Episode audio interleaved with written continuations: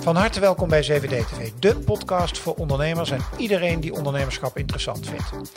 Mijn naam is Ronnie Overhoorn en op 7D TV ga ik in gesprek met ondernemers en dat doe ik twee keer per week. Elke dinsdag en elke donderdag vind je hier een nieuw gesprek. Volg ons om niks te missen en laat een beoordeling of review achter op jouw favoriete podcastkanaal. Ik hoor heel graag wat je van 7D TV vindt. Voor nu heel veel luisterplezier. Toen zaten wij uh, nog gewoon in de garage van ons papa en ons mam. Uh, hypotheek nodig van een miljoen euro. En onze omzet op dat moment was 400.000 euro per jaar. Wel op de juiste sleutelmomenten, misschien wel laat ik het zo noemen, eh, de juiste stap durven maken. Op dit moment uh, zijn er 115 mensen bij ons in dienst. En dit jaar zullen wij omzet draaien van 21,5 miljoen. Leuk dat je kijkt naar weer een nieuwe video uit de serie Sleutelmomenten die ik maak met Centraal Beheer Zakelijk. En als je luistert naar de podcast, ook van harte welkom. In deze aflevering een unieke uh, uh, opname eigenlijk wel, want ik ga een soort duo-interview doen, maar ik heb maar één plek met twee broers. Dus uh, als je het niet helemaal snapt, je komt er vanzelf achter. Welkom bij CVD TV.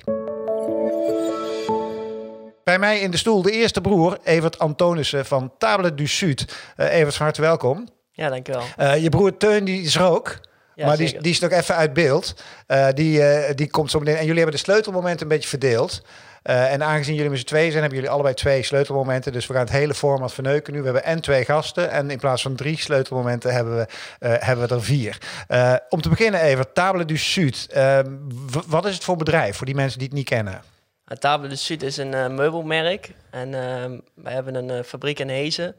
En daar maken wij eigenlijk tafels en meubels op maat. Dus we hebben een heel breed scala van tafels. Zowel van hout, uh, keramiek, uh, betonlook, soewar, uh, marmeren tafels hebben we ook, maar we verkopen er ook nog stoelen en banken bij.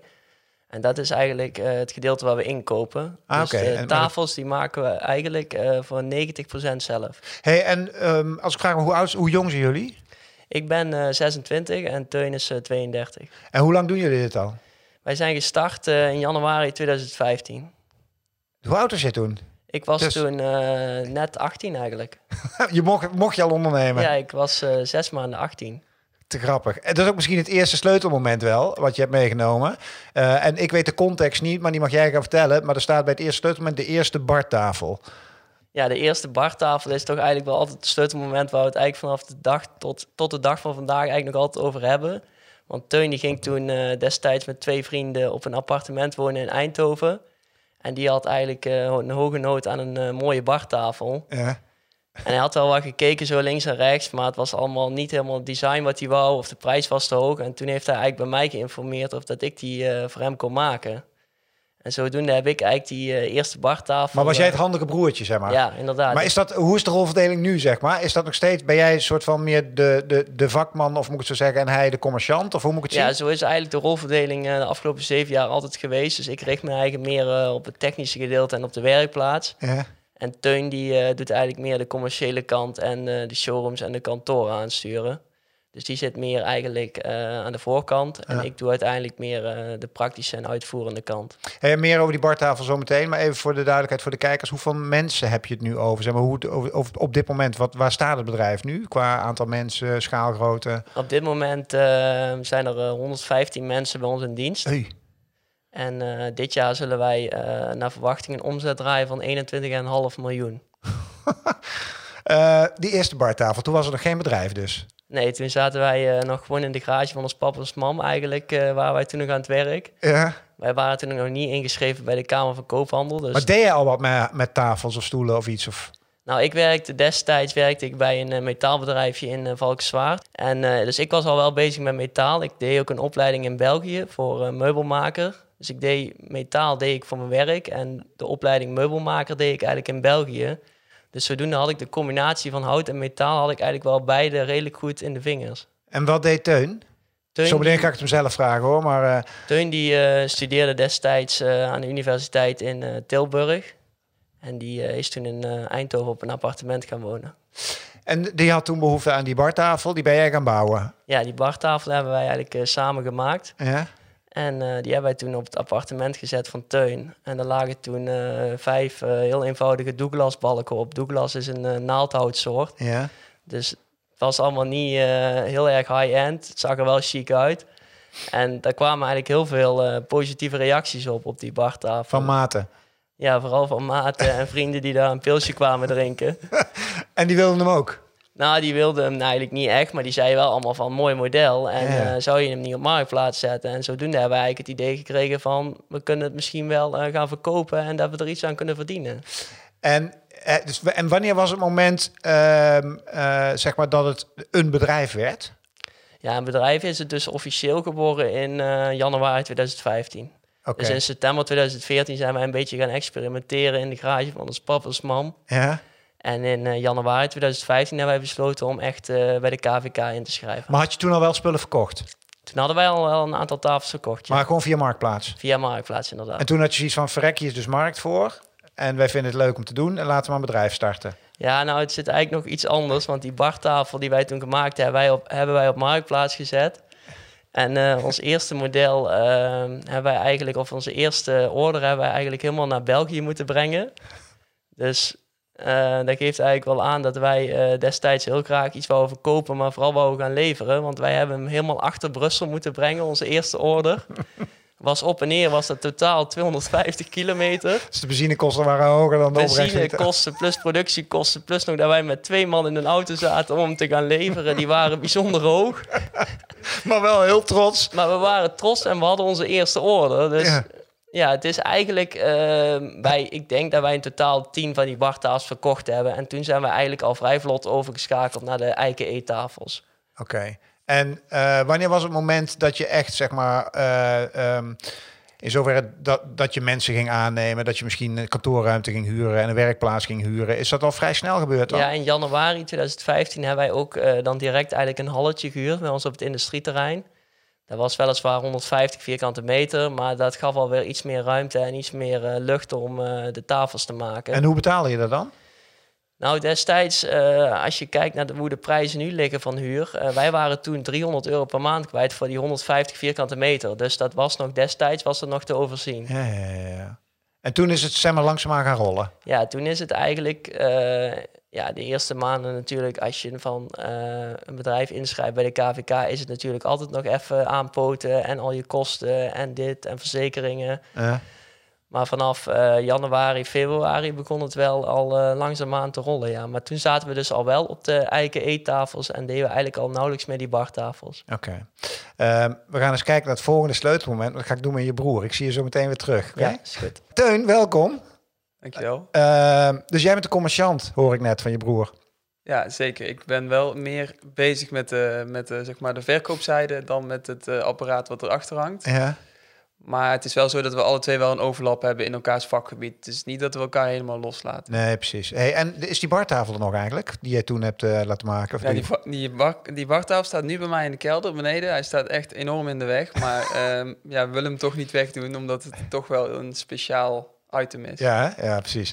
Eh, er staat bij het tweede sleutelmoment de stap van Leende naar Hezen. Waar zijn we dan in het proces bij dat sleutelmoment? Ehm, van Leende naar Hezen is denk ik ehm, anderhalf jaar nadat we gestart zijn. Toen Ja. hadden wij, ehm, ja, we zagen dat het nog steeds bleef groeien bij ons. Ook kregen we heel veel aanvragen binnen. Ehm, maar we hadden al te weinig ruimte om het goed te kunnen maken. En het was eh, ja, elke keer verzetten en kijken als er weer een pak hout binnenkwam. Van waar laten we die? Dus het was niet meer makkelijk werken. Ehm, ja, toen zijn we eigenlijk over de industrieterreinen in de buurt gaan rijden. En zagen wij één dorpje verder, zagen wij een heel mooi eh braak, braakliggend stuk land eh, liggen.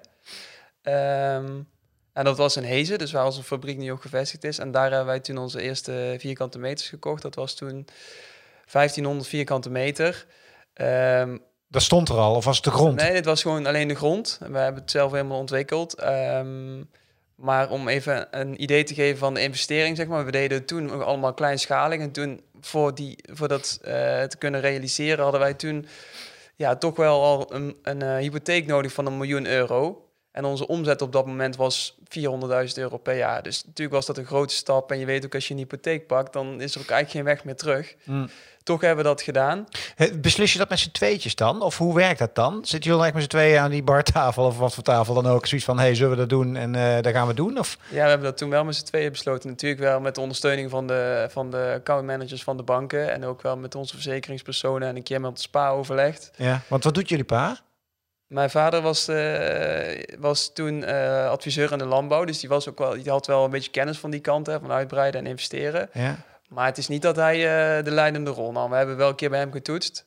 Maar het is niet dat hij... Hij heeft geen rol in het...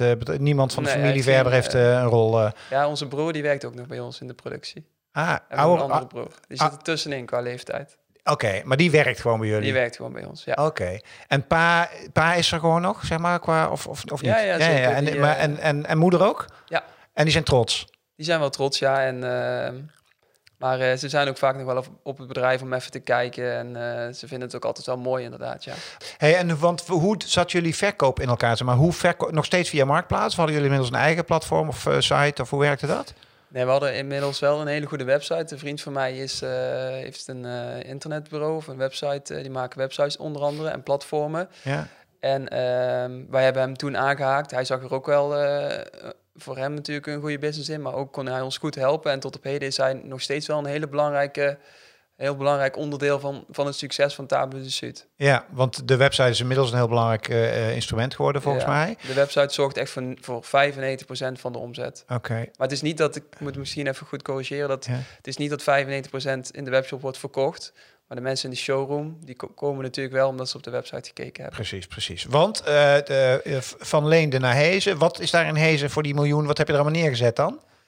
Ja, waar we het net over hadden, dat, dat was onze eerste, uitbrei onze eerste eh, uitbreiding, zeg maar. Onze Ja? eerste realisatie daar. Inmiddels hebben we nog vier keer uitgebreid daar. Ja, En zitten we nu ook helemaal, ja, zeg maar, schaakmat. Alles is nu bebouwd en we kunnen ook geen ja precies. Want, oh ja, want dat was het derde moment. hè. Die gaan we met Evert zo meteen doen. Hè? Van dus, want, eh, want dat is die laatste uitbreiding van 3500 vierkante meter. Ja. Maar even nog terug naar die leende naar Hezen. Je hebt een miljoen geleend. Die, dat akkoord kreeg je van de bank. Ja. Eh, en wat heb je toen met dat geld gedaan? Ehm, ja, we hebben sowieso ook veel geld bij moeten leggen. Maar van dat geld hebben we een, eh, een productiehal gebouwd met een mooi showroom en kantoorruimte. Maar hoe bouw je zo'n productiehal zonder de ervaring?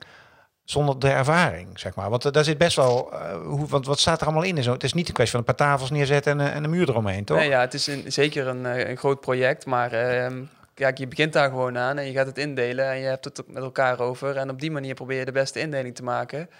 En ehm, ja, qua showroom natuurlijk. We hadden al een klein showroompje. Maar je probeert alles weer mooier en beter en efficiënter te maken. Maar dat is niet iets wat, wat je niet kan als je geen ervaring hebt. En hoeveel, eh, hoe zat het met aanwas van personeel, zeg maar? Want hoeveel mensen, toen je dat project ging aanpakken, hoe, met hoeveel mensen zat je toen inmiddels? Ja, we waren toen eigenlijk nog maar met vier mensen. Dus, dus het was ook wel een, echt een, een stap voor ons om te kijken van hoe bevalt het dadelijk met personeel? Kunnen we dat? Willen we dat? En eh, ja, kunnen we dat überhaupt ook betalen en regelen? En Wat zijn de belangrijkste eh, tips als jij... Er zijn best wel veel jonge ondernemers en die hebben allemaal plannen en ideeën, maar die blijven een beetje hangen. Laat zeggen, de stap naar groei, hè, de- met een pand en met personeel en met gewoon echt een bedrijf bouwen, dat is gewoon best wel ingewikkeld. Wat zijn de trucs of de tips waardoor het jullie gelukt is? Kun je dat, kun je dat zeggen? Ja, dus eigenlijk denk ik toch wel op de juiste sleutelmomenten, misschien wel laat ik het zo noemen, eh, de juiste stap durven maken. Dus dat je wel, wel zorgt, want kijk, je begint klein en je wil natuurlijk naar een bepaalde schaalgrootte, zodat het rendabel wordt. En die Mhm. stappen die moet je wel durven maken. Eh, maar ja, je hebt daar ook weer dus sommige facetten daarin moeten wel net gunstig zijn. Er moet grond zijn, er moet geld zijn, er moet vertrouwen zijn vanuit de bank. Hm. Er moet, eh, het lef moet er bij beide broers zijn. Hè. Als eentje het niet wil, dan, dan gaat het al niet. Ja. En bij ons stond dat allemaal op groen. Dus ja, zo pakt dat uit. Maar ja, het is ook wel vooral het durven, denk ik. Hebben jullie ooit momenten gehad dat jullie uit de pas liepen samen? Dat jij een andere kant op wilde dan je broer en zeg maar dat er spanning eh, opkwam? Ja, we hebben dat alleen de eerste maanden gehad eigenlijk. Mijn broertje die wou het zelf maken en ik wou het inkopen en dan verkopen. Maar dat was natuurlijk voor hem niet interessant, want, Want hij, hij- geen- hij- was hij geen onderdeel meer. Toen zijn we uiteindelijk zelf machines gaan kopen en zelf eh, dingen gaan maken. Dus Evert heeft gewonnen eigenlijk. Eigenlijk wel, ja, maar misschien maar beter ook. Want? Ja, het inkopen en verkopen is natuurlijk wat veel bedrijven in de meubelmarkt doen. En Ja, wij hebben het unieke handelaar. stukje dat we het zelf maken. Ja. En dat, dat zorgt er wel voor dat heel veel mensen onze showrooms bezoeken. Ja. Hoe belangrijk is de huidige tijd als het gaat om inkoop van materialen en kostprijs? En eh, is dat heftig? Is- Ja, eh, het is wel, eh, we zijn er wel mee, veel meer mee bezig dan voorheen inderdaad. We hebben ook een inkoper eh, die daar echt bovenop moet zitten. mhm. Hout is vrij schaars en lastig in te kopen. Een stuk duurder geworden dan voorheen. Ehm, maar gelukkig omdat je dus ook weer wat groter bent, willen de houtleveranciers ook graag bij ons partijen wegzetten. ja. Dus dat zijn allemaal weer voordeeltjes die je hebt doordat je wat groter bent. Oké. We gaan naar het derde sleutelmoment, naar je broer. Deed het een beetje goed net met het verhaal? Was het klopt een beetje? Ja, zei? zeker. was Ja. helemaal 100% kloppend. Dus uiteindelijk was jouw strategie eigenlijk toch wel zeg maar, een hele goeie. Dat dat je zei, van we moeten gewoon zelf ontwerpen en zelf maken. Ja, strategie, eh, misschien is dat een beetje een duur woord om het zo te noemen. Ik wou ook gewoon graag eh, met mijn handen werken en iets ondernemen. Dus het In is plaats van alleen misschien- maar handelen. Het is niet meteen, denk ik, een geboren strategie. Het is gewoon eh, wat in je zit, denk ik. Ja, maar misschien is dat wel de beste strategie. Ja. Eh, derde sleutelmoment, dat is de laatste uitbreiding. Teun refereerde net al een klein beetje aan. Hè. Vanaf die eerste plek waar jullie zeg maar, ooit begonnen, eh, is de laatste uitbreiding eh, van 3500 vierkante meter plus een compleet nieuw, of nou compleet nieuw weet ik niet, maar een nieuw machinepark. Vertel eens waarom dat zo'n belangrijk momentum weer is. Ja dat is eigenlijk een belangrijk moment. eh, omdat wij in eh, november 2019 eh, waren Teun en ik naar de FD Gazelle uitreiking geweest. En FD Gazelle is een eh, ondernemersprijs voor ondernemers die boven het maaiveld eigenlijk uitsteken. Die hard echt- groeien. Hè? Die hard groeien, inderdaad. Hadden jullie gewonnen? En we hadden toen eh, geen prijs. En eh, toen zijn wij op de terugweg hebben wij tegen elkaar gezegd van... eh, ja, wij zaten toen op een jaaromzet van 6 miljoen. En toen hebben wij eigenlijk op de terugweg tegen elkaar gezegd van... wij moeten dit bedrijf toch ook naar de 21 miljoen kunnen krijgen. Dus zodoende is toen eigenlijk het Waarom plan... 21? Ja, ik noemde toen zomaar een getal natuurlijk. Maar we, willen, we wouden gewoon hard groeien nog de komende jaren. En we zagen dat de economie er goed voor stond destijds nog. En we wouden gewoon graag dat het bedrijf nog groeide. We waren nog niet klaar met de groei die we toen door hadden gemaakt. Hm.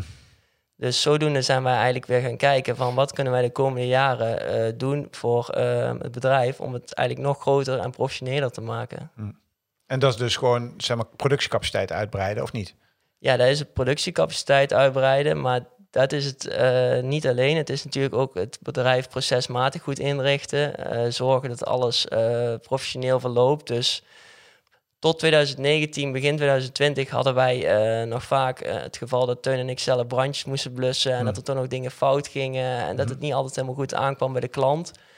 Dus daar hadden we nog een slag in te maken, maar ook zeker in eh, bedrijfspanden en eh, infrastructuur. Want eh, hoe hebben jullie zeg maar, qua expertise de juiste mensen aan boord? Want ik kan me voorstellen dat je inderdaad op een gegeven moment moet je gewoon, weet ik veel, HRM en finance en marketing, whatever. Je, moet, je kan niet alles met z'n tweeën doen. Nee. Hoe hebben jullie dat ingevuld, zeg maar, dat, dat personele aspect? Ja, daar hebben we eigenlijk tot op heden eigenlijk ook altijd nog zelf gedaan. Wij hebben natuurlijk een best wel goede bereikbare site. Dus ook voor mensen die eventueel bij ons willen werken. Mhm. We hebben ook een eh, redelijk goede bekendheid in de regio. Dat scheelt natuurlijk ook. Ja. Dus we hebben tot op heden eigenlijk altijd eh, bijzonder goede mensen aan kunnen trekken. Anders hadden we natuurlijk ook niet zo groot kunnen worden. Want Teun en ik hebben het natuurlijk nooit zelf gedaan. Je doet het met een heel team op Ja. den duur. Ja.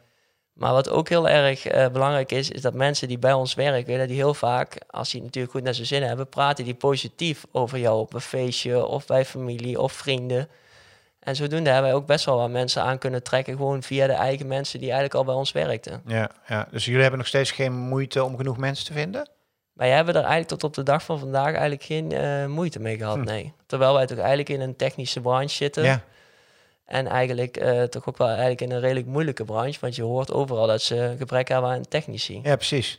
Hey, en 3500 vierkante meter en een nieuw machinepark, kostte dat dan? Want we hadden net over een hypotheekje van een miljoen, maar dat ga je niet redden volgens mij dan. Of wel? Nee, of ja, moet dat dan weer aan je broer vragen? Of bemoei jij ook met de bedragen? Nee, ja, we hebben toen heel erg eh, veel samen over gehad. Maar dat was toen destijds een eh, investeringsplaatje van eh 3,5 miljoen, ja. En, en had, hadden jullie zelf zeg maar gebufferd?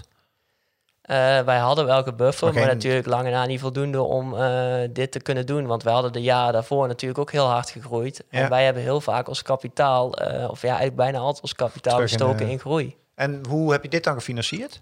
Dit hebben wij gefinancierd door middel van de bank ook weer. De ING hebben wij toen destijds benaderd. Ja. En die heeft toen eigenlijk gekeken met ons van wat zijn de kansen en wat zijn de risico's. En kunnen we eraan meewerken? Hebben jullie nooit gedacht aan private equity bijvoorbeeld? Aan, aan dat soort partijen nee, die... daar, die hebben, daar hebben wij wel. eh, wij zijn wel al best wel vaak benaderd door die partijen. Ja. Maar wij zijn alle twee eh, aandeelhouder voor 50%. En dat willen wij ook eigenlijk de komende jaren zeker nog vasthouden. Geen, eh, Oké, dus we gaan niet verwateren, gewoon 100% van de aandelen in eigen beheer. Precies. En dus kun je naar een bank, kun je gewoon geld lenen. Ja, En private equity, dan- die stappen altijd in. Aan de andere kant zou je dan misschien nog harder kunnen groeien. dat zou inderdaad gaan, ja. Maar ja, je hebt ook iets als groeipijnen. En die hebben wij zelfs al met deze groei ervaren. Laat Mm. staan als wij nog eh, harder gingen lopen. Mm. Dan krijg je natuurlijk nog meer eh, hectische situaties. En mensen die zeggen van dit is mijn bedrijf niet meer, ik ga hier weg. Mm. Dus wij hebben wel altijd hard willen groeien. Maar wij hebben ook altijd wel eh, onze mensen willen respecteren en de, de, naam van het bedrijf. Ja, ja. Ehm, dat nieuwe machinepark, dat was jouw ding natuurlijk. Ja, daar zijn wij eh, samen voor eh, naar Italië geweest, Teun en ik. En ook naar Duitsland om die machines te gaan bekijken. Dus we hebben dat wel samen eh, bekeken en besloten. Maar ik was natuurlijk wel eh, vanuit mijn verleden in de technische branche... was ik natuurlijk wel iets meer van op de hoogte van dit moeten we wel hebben. En dat is niet geschikt voor ons. Best lastig om die expertise, want ik neem aan dat dat ook ontwikkelt. En hoe hou je dat bij dan? Dat je weet wat voor spullen je moet hebben en welke niet. En of het state of the art is of eh, whatever. Ja, daar hebben wij natuurlijk ook wel gewoon een partij voor die dat voor ons verzorgt. Dus Ja, de machines die worden natuurlijk ook gewoon aan ons geadviseerd. Maar je hebt natuurlijk ook al heel veel kennis opgedaan van de afgelopen jaren. Van wat je wel en wat eh, je niet zou kunnen bevallen. Want jullie kunnen heel dynamisch produceren. Hè? Want ik was jullie website en dan kan ik met zo'n soort 3D-dingetje... kan ik gewoon zeggen van, joh, ik wil hem zo groot en die vorm, dit materiaal. Dus een soort on-demand-achtig en zeggen klik en dan gaan jullie hem maken. Ja, zeker. Hoe Wij werkt dat?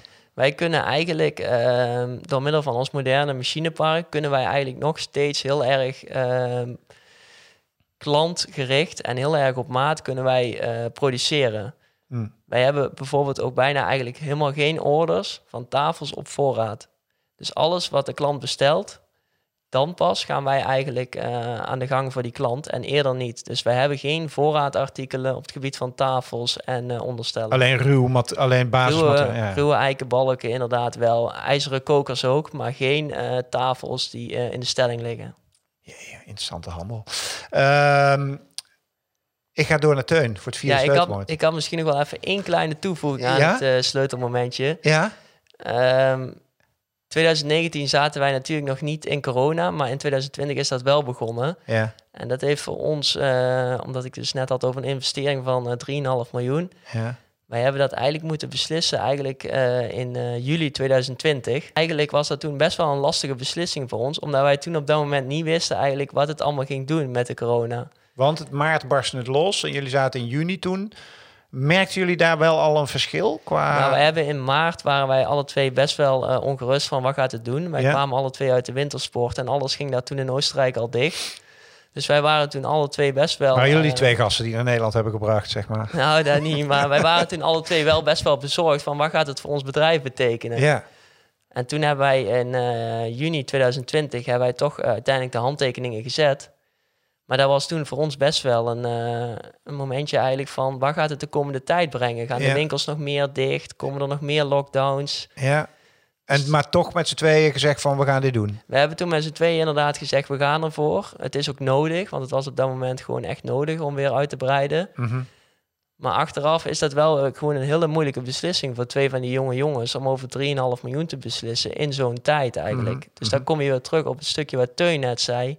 Lef en gewoon doen Ja. is gewoon cruciaal bij een bedrijf wat hard groeit. En is het ook als twee... Jullie zijn natuurlijk zo ja, bloedverwanten letterlijk. Zo zeg maar twee handen op één buik kan ik me voorstellen. Als je met z'n tweeën zoiets met elkaar aankijkt en van dit voelt gewoon goed en dit moeten we doen. Dat dat ook heel veel kracht geeft, kan ik me voorstellen. In plaats van dat je het allemaal in je eentje moet doen. Ja, zeker, absoluut. Je kunt, eh, ik heb het al vaker tegen Teun gezegd, je kunt eigenlijk zo'n bedrijf in je eentje gewoon niet opbouwen op deze schaalgrootte. Nee. Want je hebt zo vaak elkaar nodig voor eh, steun of sparren of kennis die een ander weer wel heeft en jij niet hebt. Dat je eigenlijk zoveel aan elkaar kunt hebben. Zien jullie elkaar privé ook eigenlijk altijd? Zeg maar? Ja, wij zien elkaar wel eens af en toe privé, omdat we natuurlijk familie zijn. Maar, Maar het, is ook, het is ook fijn om af en toe gewoon ehm, elkaar eens even niet te zien. Want als je privé tijd is ook belangrijk natuurlijk omdat het ook privé is. Ja, ja, precies. Dus jullie hebben wel gewoon allebei maar, eigen huis en alles. En Ja, gewoon, ja, eh. Oké. Ja, en die derde broer, die, die werkt er gewoon, hè? Die, Ja. Heeft hij nooit de ambitie gehad om zeg maar, toe te treden en in te stappen? Of hadden jullie zoiets van, ja jongen, dat gaat, dat gaat, hem, dat gaat hem niet worden? Nee, ja, die heeft, hij heeft ook eigenlijk nooit die ambitie gehad. Omdat Nee. ondernemen is natuurlijk niet voor iedereen weggelegd. Nee. Er komt veel bij kijken, zijn lange dagen. Je hebt ook altijd kopzorgen. Je hebt altijd met andere mensen te maken. Ja. Het moet je wel liggen. Het moet iets zijn waar je eigenlijk voor geboren moet zijn. Anders Denk moet je ja? er niet aan beginnen. Oké, ja. Denk je dat je ondernemer bent? Je kunt heel veel eh, nog naderhand bijschaven en trainen. Maar in de basis ben je het wel, ja. Want wat zijn die karaktereigenschappen dan die je moet hebben? Ja, je zegt al lef. Wat zijn er nog meer? Wat, Nou, wat heel- maakt een ondernemer een ondernemer dan? Je hebt heel veel doorzettingsvermogen, eh, doorzettingsvermogen nodig. Je hebt ook heel veel eh, mensenkennis nodig. Want als je op den duur met mensen aan de gang gaat, of met medewerkers gaat werken, bedoel ik, ja, dan moet Mhm. jij natuurlijk ook heel veel mensenkennis hebben. Mhm. Dan moet je ook goed met mensen om kunnen gaan. Je moet niet in één keer een eh, driftbui krijgen of in één keer helemaal boos worden, want dan zijn ze zo weg. Mhm. Dus je hebt heel veel kwaliteiten nodig, waar uiteindelijk maakt dat je ook zover kunt komen. Mm. Hebben jullie ooit afspraken gemaakt over rolverdeling of is dat een natuurlijk proces? Dat is eigenlijk al vanaf begin af aan zo gegaan, ja. Ja, gewoon zoals het gaat. Ja. Eh, ik ga je broer erbij vragen, dankjewel man. Zou je het zonder je broer hebben gekund allemaal, dit, wat we nu allemaal gehoord hebben? Ehm, nee, ja, ik, dan was het wel anders gelopen. Ja, ik denk wel echt dat je, wat Evert zegt, dat dat wel waar is. Dat je met z'n tweeën moet zijn om dit op deze eh, snelheid en deze manier eh, voor elkaar te krijgen. Het is ook zo, ja, ik heb maar twee ogen en eh, ik, ja, iemand moet ook de productie aansturen. Er moet iemand zijn die je vertrouwt. En ehm, ja, het is ook wel fijn inderdaad om af en toe te sparren en te kijken van wat vind jij ervan. En dat, dat geeft ook altijd wel andere inzichten. Hoe ver denk je, even voordat we naar het laatste sleutelmoment gaan, van weer een uitbreiding. Ehm, eh, hoe ver denken jullie, ik spreek best wel veel ondernemers die zeggen van, joh, weet je, eh, ik, ben een, je hebt een, je hebt, ik ben ondernemer, maar ik was heel goed in het bedrijf, zeg maar, opbouwen naar, eh, weet ik veel, 100 man. Eh, maar nu komt er een tijd dat we misschien wel kunnen groeien naar, eh, weet ik veel, 500 man of, of nog groter. Maar daar ben ik niet zo goed in. Eh, dus dan, dan moet ik naar een constructie toe dat ik eruit moet stappen. Hebben jullie het daar wel eens over hoe groot jullie samen het bedrijf zouden kunnen maken? Dromen jullie daar wel eens over? Dromen? Praten jullie daar wel eens over? Ehm, ja, zeker. Wij, eh, ik moet zeggen dat wij er ook wel veel mee bezig zijn. Ja, van, we hebben wel een groeiprognose gemaakt voor de komende drie jaar. Moet ik zeggen dat die wel een beetje overhoop is gehaald door de, door de markt en, en wat Ja. er allemaal in Nederland of in Europa gebeurt, of in Ja. de wereld zelfs. Ja. Ehm, maar inderdaad, wat jij zegt van tot hoe groot kunnen wij het bedrijf krijgen en zijn wij wel de juiste geschikte mensen om, om echt door te stoten naar ja, keer 20? Ja, voor mij part. Ja. ja, daar moeten we eh, nog naar kijken. Maar ja, inderdaad, er zal veel, veranderen, zal veel moeten veranderen om nog echt keer 10 te gaan. Ja, ja, precies. daar zijn we ons van bewust. De markt is groot genoeg, toch? De meubelmarkt is heel groot, ja. Ja. Maar ze zitten ook vol met concurrenten. Hm. En wat onderscheidt jullie, wat onderscheidt jullie het meest? Ja, dat is toch wel omdat we, dat, dat we alles zelf maken. En een stukje maatwerk en een stukje eh, ehm, eh, aandacht wat onze mensen krijgen in de winkels. Dus echt een goede verkoper en die niet, die niet mega hard aan het pushen is van je moet vandaag die handtekening zetten. Gewoon een beetje Mhm. gemoedelijke stijl. Mhm. maar toch ook wel een commercieel randje. Ehm, en ja, die hele klantenreis, hè, dat we kunnen de mensen perfect op de hoogte houden van hoe ver staat het met de tafel, Ja, wanneer wil je dat die geleverd wordt. Daar zijn wij wel wat verder in dan de traditionele meubelwinkel. Hoe belangrijk is het persoonlijk, hoe, hoe, hoe belangrijk is het verhaal van de twee broers? Eh, en eh, aan, zeg maar, dat aan het merktable du Sud hangt? Ja, wij merken nog wel altijd als we dat verhaal vertellen dat het eh, goed werkt. Maar het is natuurlijk niet een verhaal wat we over twintig jaar nog steeds kunnen vertellen. Dus we zijn wel mee bezig om eh, daar eh, los van te komen. Ja? Ja, nou ja, niet de komende vijf jaar, maar wel eh, weten wel dat het geen houdbare, Nee, houdbaar verhaal blijft. Nee, dus daar, daar, daar bouw je geen miljoenenbedrijf alleen maar mee, zeg maar. Nee. Het moet ook, moet ook kloppen. De laatste, het laatste sleutelmoment is een showroom in Utrecht. Zijn we godnakend Brabanders? Gaan we een beetje gaan we naar Utrecht toe? Ja, we hadden in, eh, in het derde jaar, hebben we, of in het tweede jaar was dat denk ik, in 2017 hebben we al gekozen voor een showroom in Nieuwkoop. Oké. Dat ligt tussen Rotterdam, Oh, dus Amsterdam. Utrecht in. Eh, het was een klein dorpje, was ook niet een hele mooie showroom, maar wel relatief lage huurprijs. Is dat de reden waarom je hem daar kiest? Of hoe, want, hoe, want hoeveel showrooms hebben jullie? We hebben er nu drie, Drie. maar Nieuwkoop is inmiddels opgegeven en dat is Utrecht geworden. Ah, oké. Eh, we hebben toen daarvoor gekozen voor Nieuwkoop omdat het precies tussen de drie grote steden in ligt. En mensen, wij hadden wel het idee dat mensen een half uurtje wouden rijden. Dat bleek ook wel zo te zijn. Mhm. Ehm, maar die showroom die was niet meer ja, wat we willen uitstralen met het merk. Inmiddels zitten we dus nu in de Wol in Utrecht naast Langs de A2. ja. En dat is wel onze, zeg maar, ons paradepaardje. Ehm, en is ook, ook heel, is ook verantwoordelijk voor een heel groot deel van de omzet. Ehm, en we hebben daar 2000 vierkante meter ingericht. Ehm, ja, zit- toen wij daar kwamen om te kijken of het iets voor ons zou zijn, was het echt gewoon nog een betonnen lelijke bak. Mhm. Want het project De Wol, ik weet niet of... Ja, dat is ooit in 2010 begonnen, maar financieel debakel geworden. Mhm. En nu, ja, nu is dat wel echt ons ja, state-of-the-art eh, showroom waar we echt eh, heel blij mee zijn. Werkt, en daar heb je ook weer personeel zitten dan? Ja. Want dat besteed je eh, niet uit. Dat is allemaal... wat eigen je, verkopers. Oké. 15, we hebben daar 15 verkopers. 15. Ja, het kan daar best druk zijn hoor. Hey, en ehm, als je kijkt naar de business, we richting afronden van dit gesprek, je zegt van eh, de tafels maken we allemaal zelf. Dat is het duidelijke het core concept eigenlijk van Table du Sud. Ja. Maar daarnaast de- handel je eigenlijk, even heel plat gezegd, ook in stoelen en, eh, en banken en weet niet wat er meer voor dingen zijn. Wat doet de meeste handel?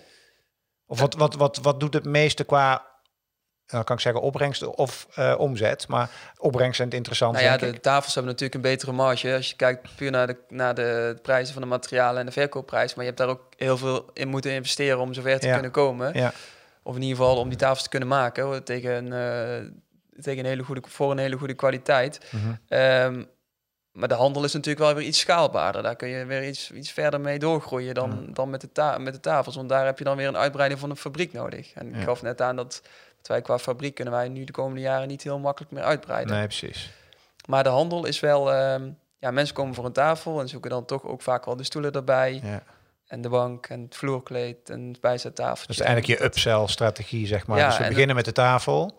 Ja, en dat maakt er ook, het maakt ook dat de showroom er heel gezellig en goed en mooi uitziet. Want als je alleen maar tafels neerzet, dan lijkt het toch al snel een outlet. Ja, ja. En eh, toch wel 40% van onze omzet is nu de, nu de handel. Ja, ja, precies. Dus het is wel een heel belangrijk onderdeel van onze strategie inmiddels. Hey, en je toekomstprognose, je zegt je kijkt een jaar of drie vooruit. Ik denk misschien dat je hem de komende paar, zeg maar, het komende jaar nog wel een paar keer moet bijstellen als we kijken wat er allemaal natuurlijk om ons heen gebeurt. Maar als, als stel dat alles een beetje volgens plan verloopt, waar sta je over drie jaar dan? Of waar staan jullie dan over drie jaar? Ja, ik vind het heel moeilijk te zeggen nu. Eh, we hopen wel, wij denken dat er een algehele eh, zeg maar neerwaartse tendens zal zijn in de luxe wereld of in de wereld van de luxe meubelen. Maar wij proberen die wel, ehm, wij proberen wel met de juiste marketing eh, tegengas daaraan te geven en zo toch wel een lichte groei te realiseren de komende jaren. Maar ja, stel dat, stel dat er rare dingen gebeuren in de wereld, ja, dan, dan kan het ook zomaar anders zijn. Jullie hebben inmiddels wel wat reserve en wat buffers opgebouwd, dat jullie eh, niet bang zijn om eh, dat er erge dingen gebeuren. Zeg maar. Jullie kunnen de storm wel aan. Wij kunnen de storm wel aan, maar we zijn ook wel inderdaad eh, meer met de kostenzijde bezig dan, eh, dan een jaar geleden. Ja. Mag ik jullie danken eh, voor jullie verhaal? Zullen we anders zeg maar, voor het slotakkoord, als jij nou gewoon tegenaan schuift en dan kijk, ik bedoel, het is toch je broertje, weet je wel? Dus dan ben je toch niet, zeg maar eens even kijken of dat werkt. Kijk, voor het, voor het slot, kijk, dat past precies. Dan moet je nog iets, iets, iets meer.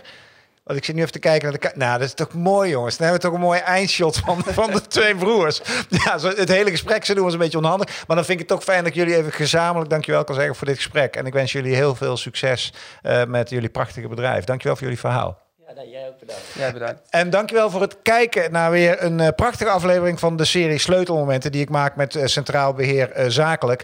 En Centraal Beheer Zakelijk wil heel graag ondernemers verder helpen door dit soort verhalen te maken. Dus we hopen dat we dat een klein beetje heb, hebben gedaan. En een van de twee broers zit nu half voor mijn camera. Maar ja, dat krijg je dus. Dat is precies wat ik zeg. Als je dus met twee man in de studio gaat zitten. Maakt niet uit. Dankjewel voor het kijken. Heb je geluisterd naar de podcast? Dan zou ik vooral adviseren om ook nog een keer de video te gaan kijken. Want anders snap je echt geen bal van wat ik de laatste twee minuten allemaal heb gezegd. Dus ga lekker kijken. Dan zie je de twee broers in het echt. Maar heb je geluisterd naar de podcast? Dankjewel. Hoi.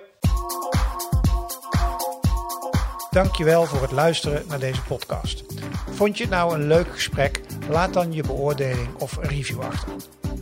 En weet dat CVD-TV heel graag samenwerkt met ondernemers en bedrijven om mooie gesprekken te maken over ondernemerschap in de volle breedte. Wil je daar nou meer over weten? Kijk dan op www.partner7dtv.nl. En als laatste, vind je de podcast leuk, maar wil je heel graag de gezichten erbij zien? Weet dan dat CVD-TV ook als YouTube-kanaal beschikbaar is. Dankjewel voor het luisteren.